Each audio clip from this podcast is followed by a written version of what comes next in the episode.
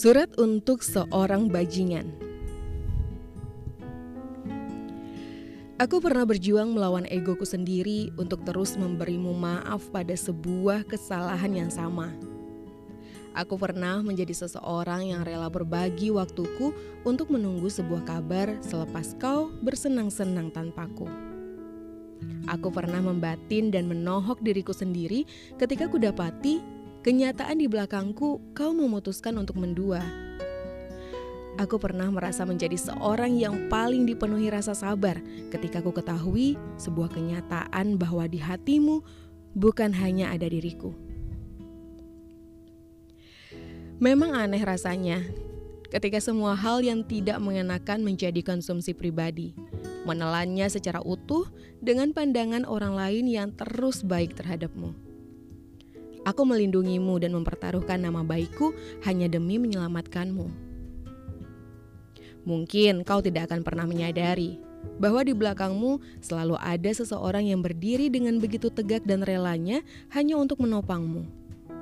Karena kau terlalu sibuk memerhatikan seseorang yang sedang beriringan denganmu, meskipun kehadirannya berlabel sebagai pencuri. Aku sakit sendirian, sayang.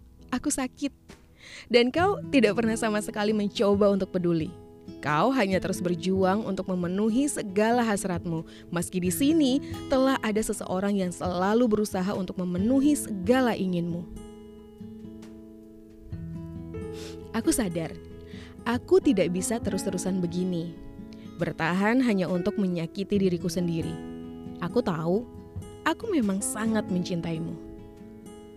Tapi sekarang, maafkan aku yang harus segera memilih untuk berlalu. Sekarang, aku harus berani untuk mengubur setiap impian yang dahulu selalu aku semogakan. Sekarang aku harus berani untuk menjadi seseorang yang berjalan tanpa lagi kau dampingi. Sekarang aku harus mampu untuk menjadi seseorang yang benar-benar merelakanmu.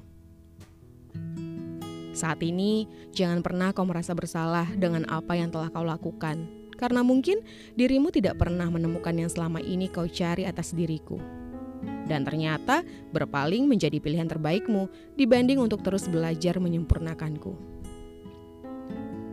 Aku harap kau tidak akan pernah menemui rasa sesal ketika suatu saat kau menemukanku sudah bisa tertawa lepas. Mungkin saja saat itu kau akan berpikir bahwa aku tidak pernah benar-benar menyayangimu.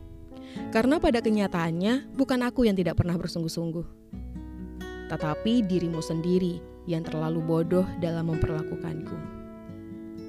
Selamat tinggal.